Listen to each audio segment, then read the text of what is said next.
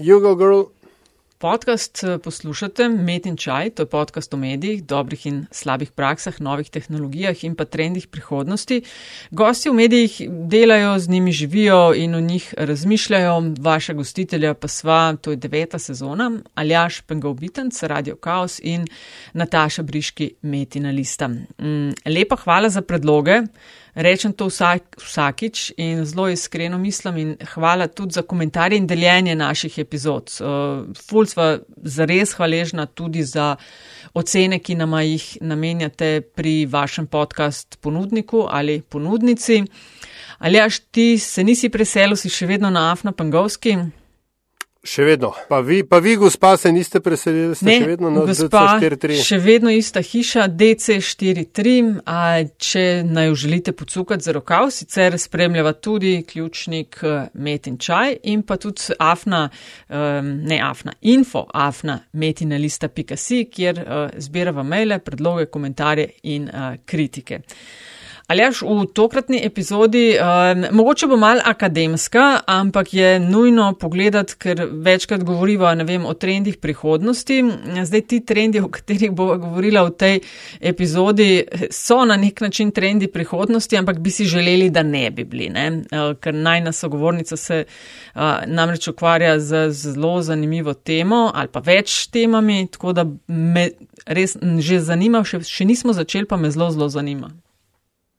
Uh, ja, eh, res je in uh, verjetno na tej točki je, se, je pravično in se spodobi, da pozdraviva uh, najno gostjo, uh, profesorica Sabina Mihl, dobrodošli. Uh, dobar dan ali dobro jutro, uh, odvisno kdaj poslušate uh, um, in uh, hvala lepa za vabilo uh, za tale intervju, se veselim pogovora vnaprej. Boste presenečeni, poslušajo nas ob, vsaj uh, sodeč po pripovedovanju in tvitih, ki nam jih pošljajo, ob zelo različnih urah in zelo različnih upravkih, med tekom, med likanjem, med vožnjo v avtomobilu. Um, vam je, vi poslušate podkaste, kakšen, kjer način je vam najbližje? Tudi, tudi poslušam, uh, ja, ob, ob vseh teh opravilih, ki ste jih omenili, uh, ponovadi, you know, kakšno kuhanje ali pa uh, no, zunaj na sprehodu, pravzaprav ne ne, se mi zdi malo nevarno, uh, ampak ponovadi domača opravila ali pa uh, kaj, uh, kaj podobnega, no, preden, preden grem spat, mogoče včasih tudi. Debatirali bomo o vašem delu, preden začnemo pa enako vprašanje kot vsem gostom in gostjem. A se lahko mal predstavite, eh, kaj delate, ste delali v življenju in da je povezano z vem, raziskovanjem medijev komunikaciji, ker vi ste iz Ljubljane se preselili v Združeno kraljestvo. Ne? Tako je. Uh, jaz sem trenutno eh, profesorica za medijske in uh, media and cultural studies no, po angliško, se pravi medijske in kulturne študije na Univerzi v Loughborough v Veliki Britaniji. Um, sicer sem pa rojena in odrasla v Kopru in moja medijska karijera je um, veliko daljša od moje akademske karijere.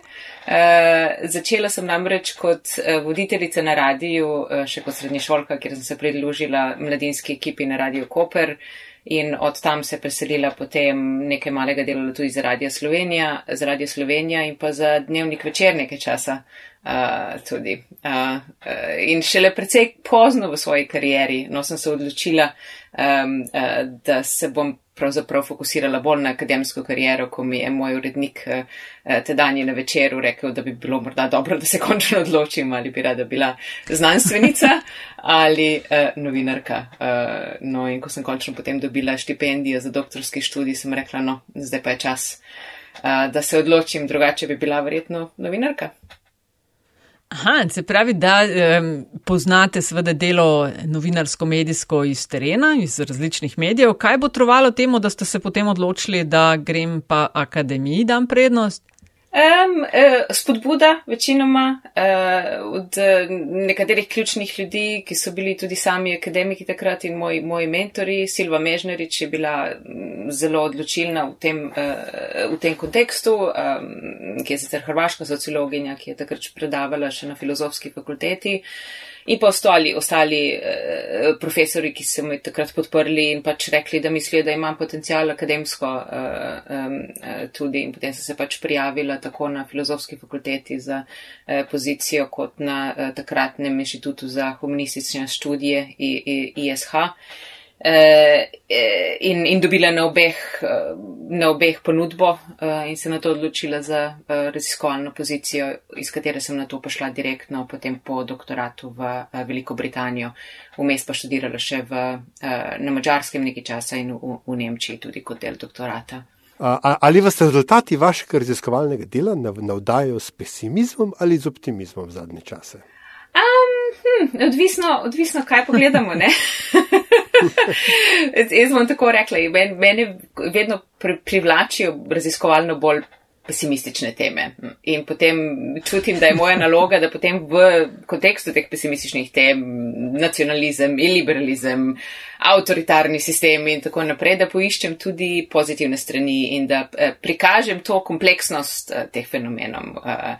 Eh, in to je bilo od vsega začetka moj doktorat se je ukvarjal z mediji in nacionalizmom v času takratne Jugoslavije in seveda iz tistega stališča bi človek zelo težko našel kaj pozitivnega o nacionalizmu, ampak je zelo važno razumeti tudi recimo zgodovino nacionalizma kot uh, pač gibanja, ki je imelo na nek čuden način tudi demokratične osnove, se pravi prenos avtoritete od religioznih institucij, od um, kraljevin in tako naprej na, na na ljudstvo samo, ki izbira uh, uh, svojega, svojega predstavnika. In to je, to je pomembno razumeti in pomembno je razumeti, da nacionalistični argumenti ponovadi uh, in so zgodovinsko funkcionirali tudi kot mobilizacija za širjenje demokratičnih pravic.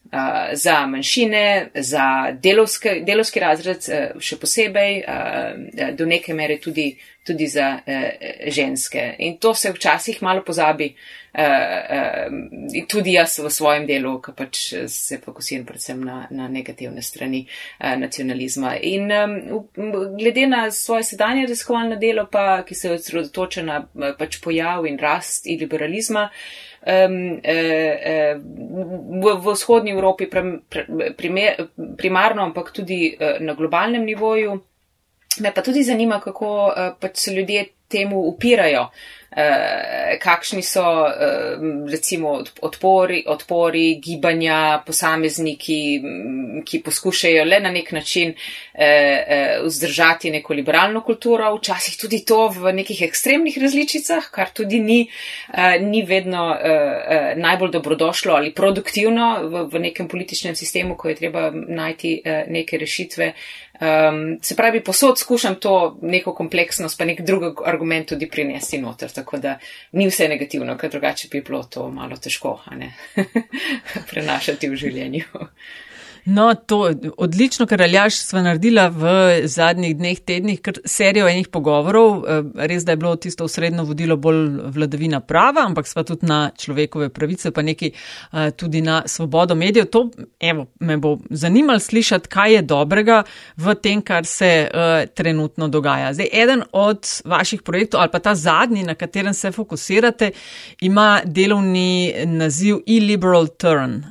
Ja, uh, e-liberal turn ja. in potem je v bistvu vloga eh, predvsem uh, uh, novic, se pravi uh, news, ne, po angliško, v, uh, v usponu li, uh, iliberalizma uh, in pojavu politične politične polarizacije eh, v zadnjih letih, ki je spet globalen problem, ni samo prisoten v vzhodnji Evropi, ampak ker je predvsej manj raziskan v vzhodnji Evropi, sva se jaz in kolega Vaclav Štetka, eh, ki skupaj z mano vodi ta projekt, odločili, da se bova pač fokusirala na, eh, na, na, na ta del sveta, ampak vedno v, v globalnem kontekstu, seveda. Um, se pravi, vprašanje je bilo, kaj je pozitivno. Vprašanje v bistvu še, še aha, ni bilo. Aha, sam, ja.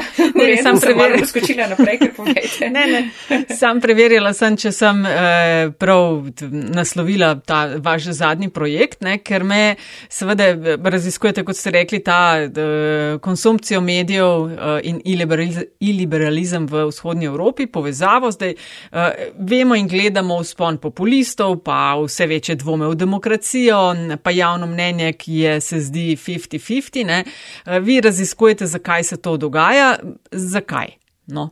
če že veste, če je že projekt tako daleč? Um, tako, mi smo pravzaprav osredotočeni v projektu na to, kakšna je vloga medija, medijev. In seveda je treba takoj dodati, da mediji so, so samo en faktor. Ne, uh, seveda ja. skupaj s političnimi elitami uh, in njihovim obnašanjem, skupaj z ekonomskimi uh, premiki, se pravi, ekonomska kriza leta 2008 je zagotovo bila eno, eno, eno od važnih um,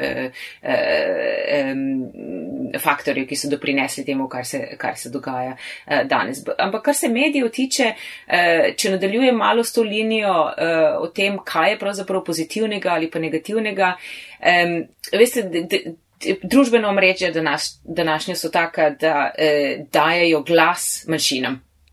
In to eh, še posebej ekstremnim manjšinam. In ravno kar pred dvemi dnevi smo gledali rezultate, ki to potrjujejo, da najglasnejši in tisti, ki so najbolj pripravljeni, da komentirajo, so ponavadi tisti, ki so najbolj ekstremni v svojih pogledih na obeh straneh Eh, političnih ekstremov, se pravi tako levici in, in, in desnici ali pa liber, liberalni in konzervativni, odvisno kako pač gledamo na politično uh, schemo. In to je eden od razlogov, zakaj um, pač vidimo toliko tega eh, neprimernega, necivilnega, razdeljevalnega obnašanja na, v, v družbenih omrežjih. In to ni eh, pač seveda je zelo neprijetno, frustrirajoče, eh, vpliva na negativno politično kulturo in javno kulturo eh, in kulturo govora, ampak to ne velja za večino ljudi. To je nekaj, kar je treba eh, omeniti. In drugič pa eh, tudi, da veliko krat eh, si zamišljamo, da so družbena omrežja tista, ki so eh, tukaj glavni krivec ali pa eden od glavnih krivcev za to, kar se dogaja. In spet v našem projektu zelo jasno pokažemo, da ni to, to ni tako in tega ljudje včasih so malo presenečeni in nočejo slišati, ampak dejansko eh, tradicionalni mediji eh, ali pa legacy media, no ne vem kako je zdaj strokovni izraz za, za, za, za to v, v slovenščini, ker preveč funkcionira v angliščini, kar se profesionalnega dela tiče.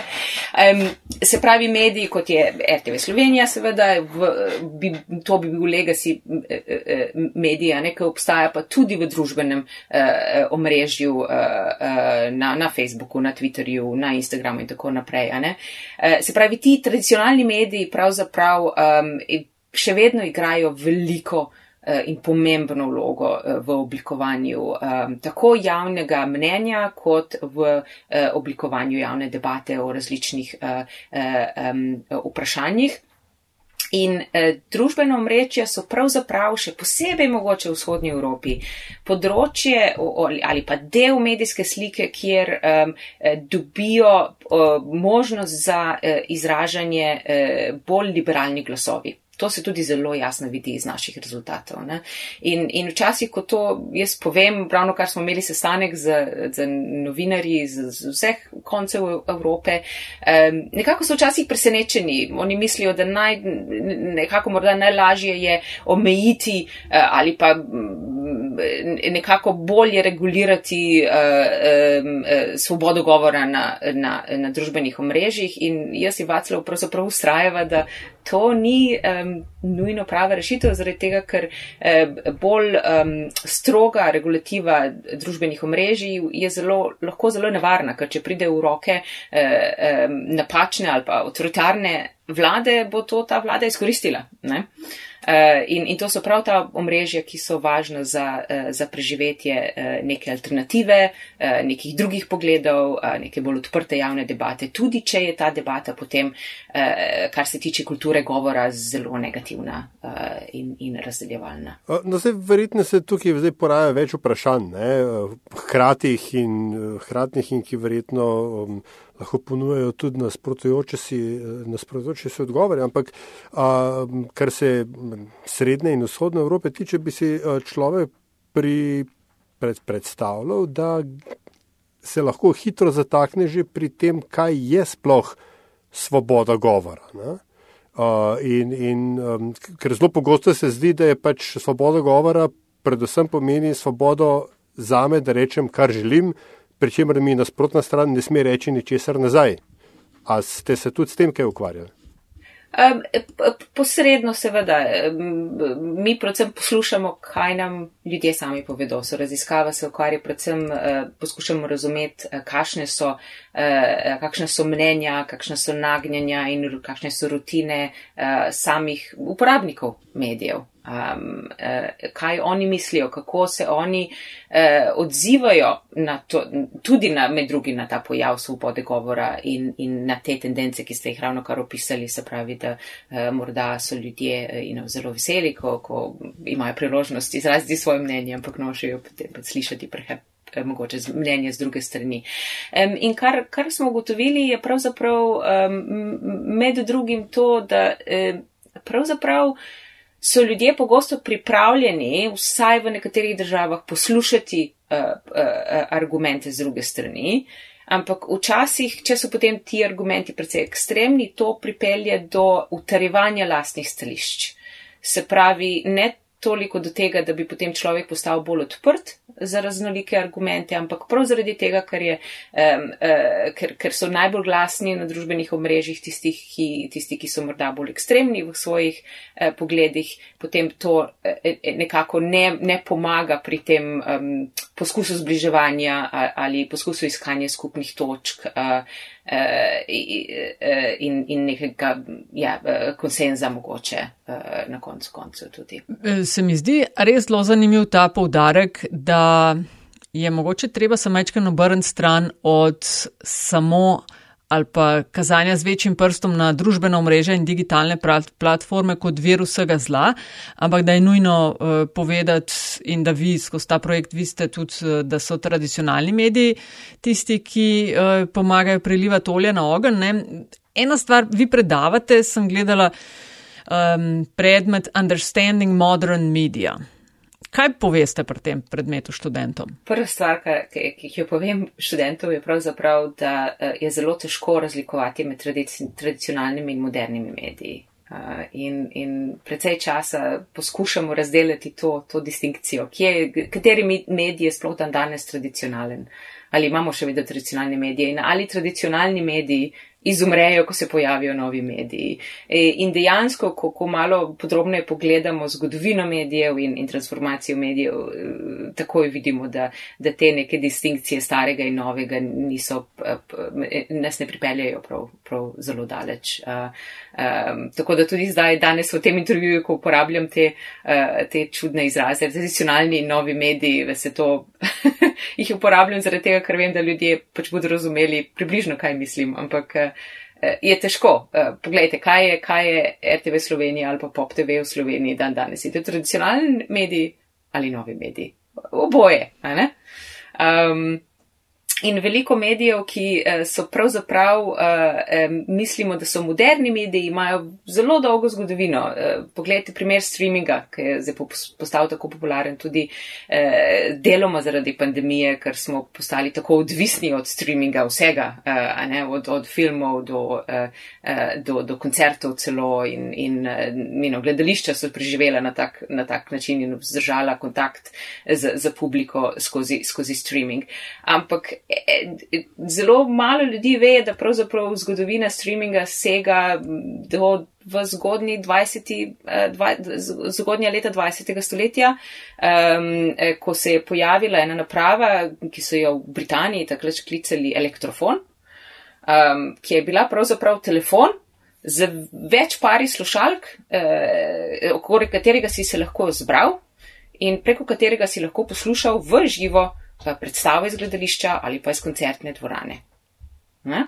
To je bilo preden je radio postal bolj dominanten medij, ki je prenašal potem v živo koncerte in tako naprej. Ampak to je bilo pravzaprav celo on demand. Ne? Če si hotel, če je bila predstava, ne vem, v gledališču, v enem gledališču, pa koncert v neki drugi hali v istem času, si lahko izbral, katero stvar boš poslušal. Na seveda je to bil elitni medij. Um, in ko potem, potem, ko je prišel radio, je ta medij propadel, ker je bil pač malo preveč, um, eh, pač veliko je stavne eh, in, in ni bil tako prenosen, ne tako si mislite, da en, eh, en tak telefon z več slušalkami je prav čudno izgledal za današnje razmere. Um, ampak o, z današnjega stališča. Prav tako bom rekla, več desetletij se je za ta medij se skoraj da ni vedlo nič. Kdor je vedel, bolj tehnični entuzijasti so mislili, da je to propadli medij, primer propadlega medija. Ampak dejansko, če pa gledamo z današnjega vidika, je to zelo vizionarni medij, zelo vizionarna rešitev, eh, ki je končno dan danes našla svojo pravo neko eh, tehnološko rešitev, eh, ki nam odgovarja in ki jo vse bolj uporabljamo. Uh, in, in, uh, in, in zelo sem ponosna, da boja ena moj doktorski študent dela trenutno raziskavo prav o tej temi in, in, in pripravlja tudi razstavo na, na temo elektrofona z enim od uh, glavnih uh, londonskih uh, muzejev in upamo, da bo to uh, pripravljeno že naslednje leto. To me zdaj seveda veseli, ne? ker to pomeni, da v bistvu ni slabih medijskih inovacij, je samo slab timing. Ampak uh, tako, v redu. Tako. Uh, ja. um, vendarle, ne, uh, če se pač vrnemo na ta odnos k uh, me, se pravi, javnosti do, do tradicionalnih medijev in neke pozitivne funkcije družbenih medijev, vendarle ne moremo reči, da so, da so stvari dobre, ker niso. Ne? In se mi zdi, da je, oziroma moje vprašanje je bilo, Kje so tradicionalni mediji, po vašem mnenju, um, zavozili um, ali pa pozabili na svoje poslanstvo, da so dopustili raven debate, da je padla do te mere, kjer, pač potem, kjer so družbeni mediji bolj kot ne um, gnojivo ne, za, za, za nadaljevanje te. Um, te gnojnice, ne, mor, ne morem drugega reči.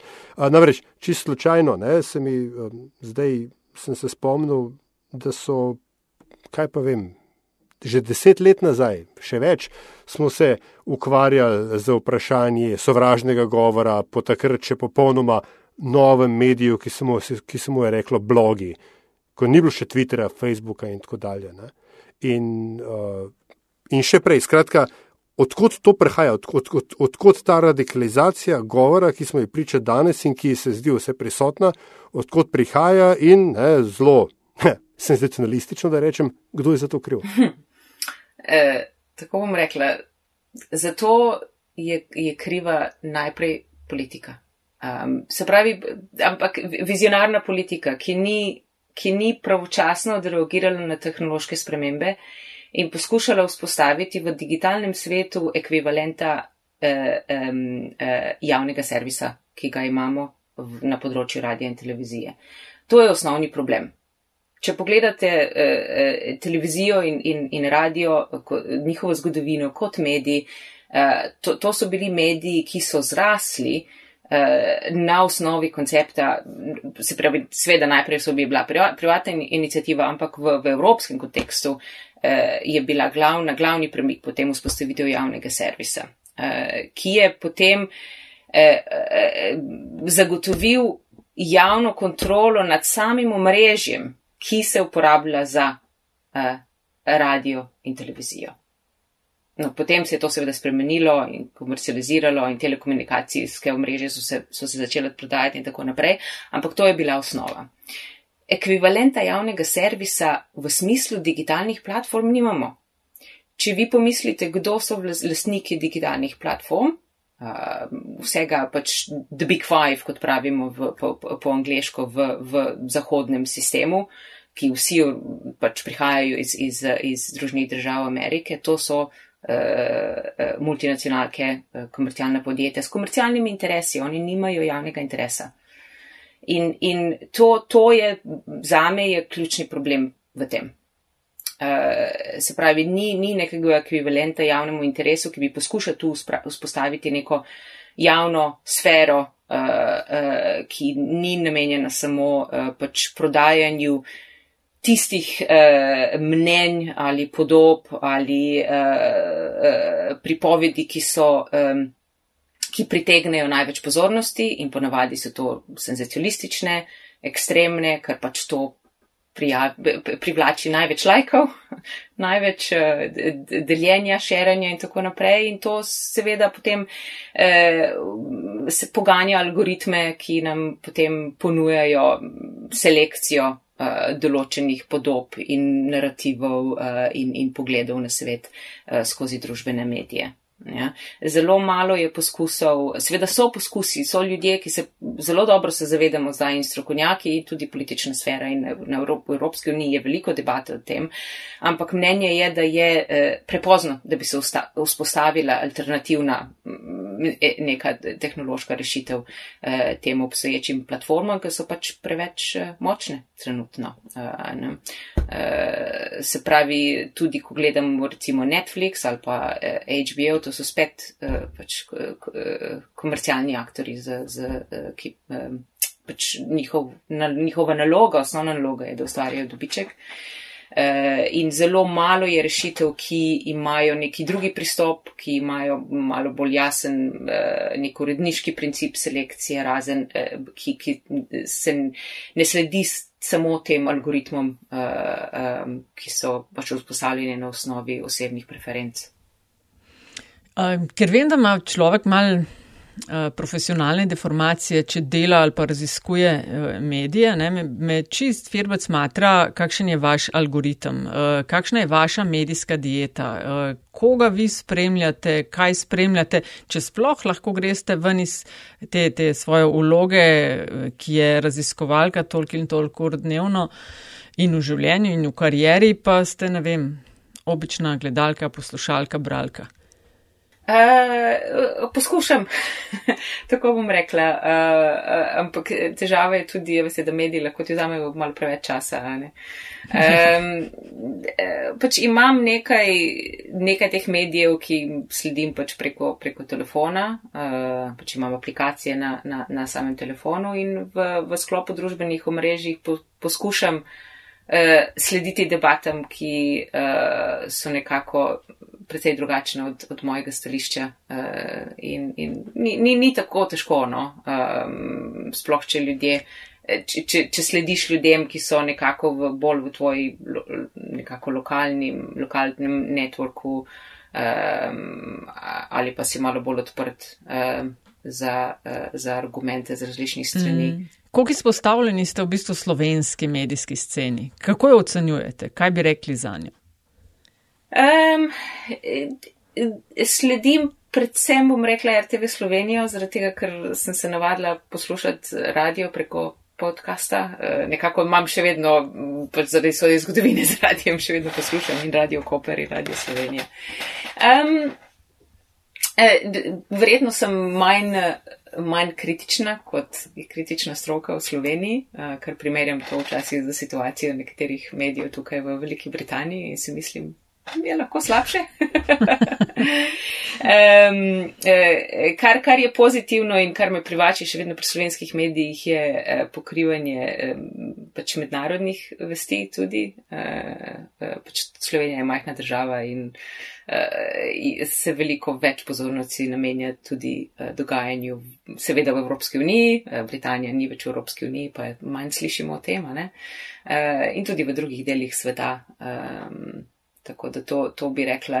Nočem, seveda vem, da so, da so težave, mm, eh, vem tudi, kakšne so bitke glede RTS-a, vpliva političnega in tako naprej. Vse, kar bom rekla, je, javni servis mora ustrajati in najbolje je, če eh, tako levica kot desnica eh, ima kakšno kritiko čez javni servis, ker to pomeni, da potem verjetno javni servis dela tisto, kar mora delati. Pogosto slišimo v Sloveniji, da bi morala biti slovenska radio televizija kot BBC. BBC je ta zveličavni ideal, eh, ki naj bi se mu približale eh, vse javno, javne, javne radio televizije. Eh, vi imate v bistvu zdaj pobližno izkušnjo z obeh, ne? delali ste v sistemu javne radio televizije v Sloveniji, zdaj v Združenem kraljestvu vidite od blizu, kako BBC sodeluje, oblikuje ali pa zgolj povzema uh, javno razpravo, javni diskurs tam. Ali je ne, uh, uh, z lepo slovensko besedo BBC all that it's made up to be? Um, veste, morda ne vem dovolj o tem, kakšne so predstave o BBC v, v, v Sloveniji, ker me tako dolgo že ni bilo.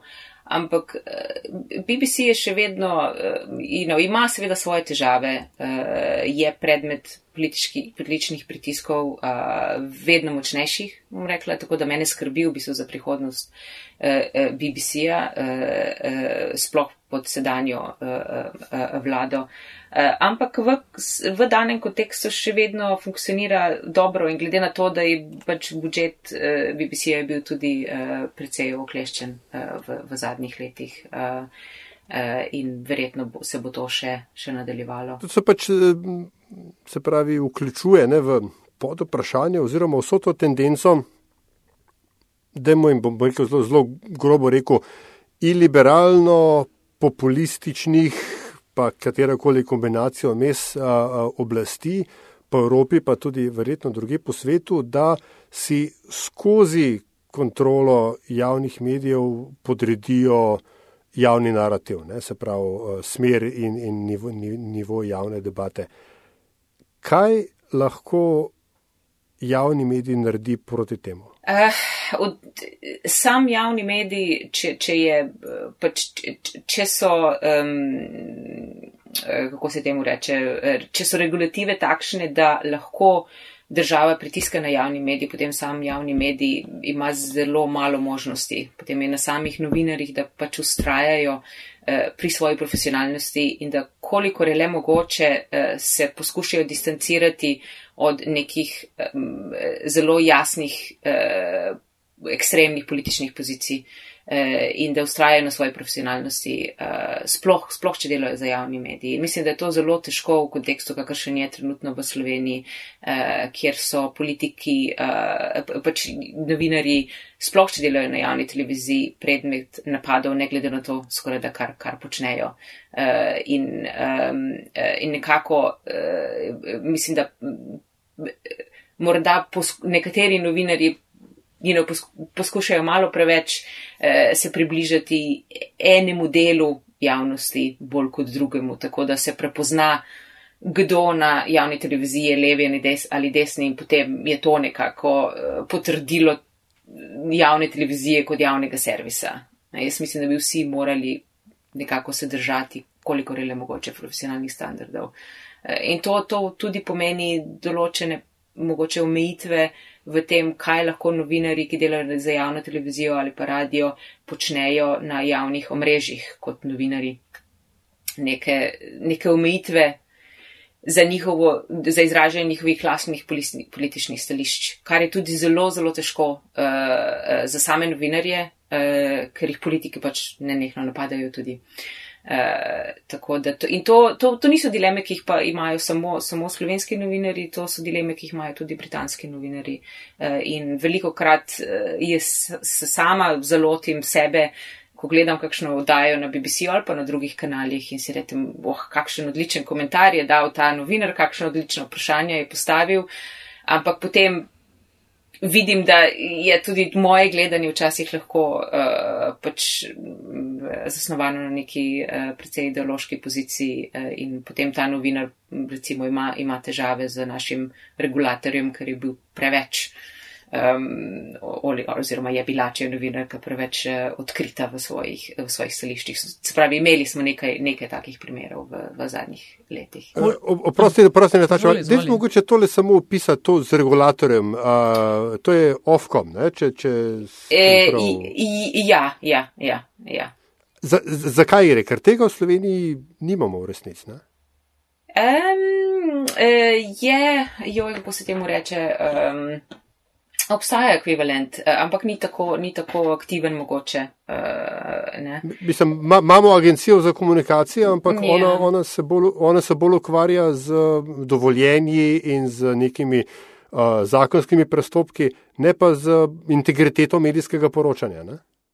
I, ja, v tem imate verjetno prav. Obstaja seveda eh, javno časno razsodišče novinarsko, ki upravlja nekatere od teh funkcij. E, drugače je organizirano v Sloveniji. Ja. Je tudi manjša država, to je res. Ja. No, to, to me zanima, tako čisto na, na splošno, Ofkom počne kaj in kaj lahko recimo, kakšna je bila posledica tega, da Ofkom ugotovi, da je nek uh, novinar, novinarka poročala pristransko. Da potem ta novinar, če, če dela pač za javni servis, uh, dobi neko pomen. Uh, Ponavadi. Uh, ampak to se zelo, tako bom rekla, redko se zgodi, zelo, zelo je pazljiv Ofkom pri temu. Uh, pač javnost lahko pošilja pritožbe uh, na Ofkom in, in jih zelo pogosto pošilja na razno razne teme in potem pač oni to presodijo.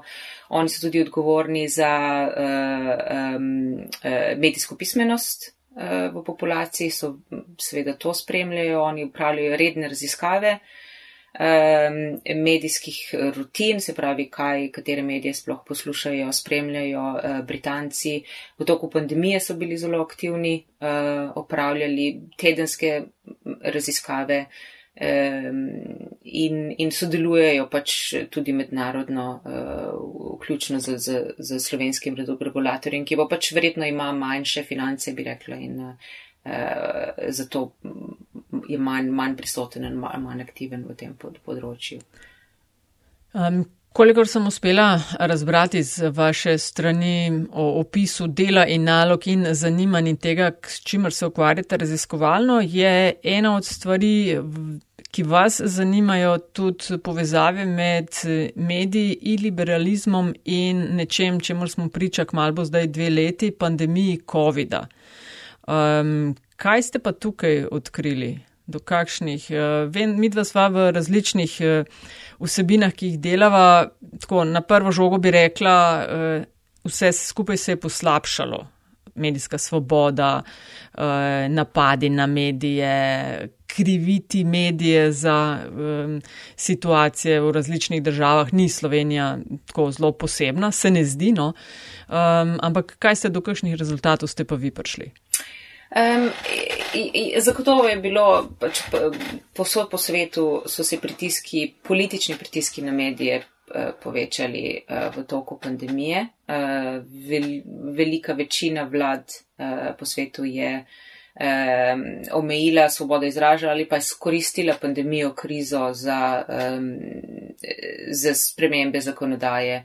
Eh, v, v, v bolj iliberalno smer. Eh, nekatere države so se potem vrnile na normalo po pač v sedanjem času, druge so zadržale pač spremembe, ki so jih uh, upeljale. Glede na kaj, kaj smo mi počeli, oziroma jaz počela v toku projekta, mi smo slučajno, naš namen seveda ni bil raziskati pandemijo, ampak slučajno se je tako zgodilo, da smo ravno intervjuvali naše, um, uh, naše udeležence v raziskavi, 120 smo jih imeli v štirih različnih državah, ravno preden se je zgodil prvi lockdown. Uh, se pravi, smo ravno upravili prvi, prvi del intervjujev, potem smo pa imeli uh, vsi naši udeleženci so pisali dnevnike. In namen je bil pač da mi registriramo nekako skozi ta dnevnik vsakodnevno uporabo medijev, seveda je bila to vse drugo kot vsakodnevna uporaba, ker je ta obdobje dnevnika je se upadlo z upeljavo um, lockdownov v vseh štirih državah, ki smo jih opazovali, tako da smo imeli srečo, v nesreči, da smo zbirali podatke ravno takrat. Tako da smo potem gledali prvič, kako so se pač uh, te rutine, dnevne rutine, uporaba medijev spremenila uh, v, v tem času. Um, pač od povečanjega zanimanja za medije, veliko večje odvisnosti od digitalnih medijev, pa tudi od televizije. To je bilo mogoče veliko presenečenje za precej raziskovalcev, ki so počeli te raziskave v tem času. Eh, veliko večje zanimanje za javne medije, odvisnost od javnih medijev kot zanesljivih virov informacij v toku, eh, v toku krize. Smo pa opazili tudi določene uh, Eh, precej vidne razlike od države do države. Se pravi, države, ki so imele težave z vlado, ki je poskušala izkoristiti pandemijo za svoje politične interese, v teh državah so nekako ljudje potem se razdelili, eni so bolj verjeli medijev, drugi manj, se pravi, je bil eh, in, in mogoč, možnosti države same, da bi nekako mobilizirala populacijo eh, za ustrezen odziv v, v toku pandemije, je bil, bil zelo odvisen od tega, eh, kako so se pač obnašali v toku pandemije tudi. Tako da to je bilo tudi zelo važno. Opozovali smo tudi potem vlogo medijev v oblikovanju zaupanja v strokovnjake predvsem zdrav, zdravstvene, pač medicinske strokovnjake, epidemiologe in tako naprej. E, in tu je tudi nekaj precej uh, zanimivih rezultatov, uh, tudi o vplivu spet političnega konteksta v Srbiji recimo in v, v, na Mačarskem. Je bilo zelo jasno, da so bili ljudje precej nezaupljivi celo do strokovnjakov, zaradi tega, ker so videli pač, da so ti strokovnjaki pod vplivom političnih elit in to je potem negativno vplivalo tudi na nekako sledenjem slede, nasledenje navodil, ki so jih poskušale vlade takrat spodbujati in strokovnjaki sami.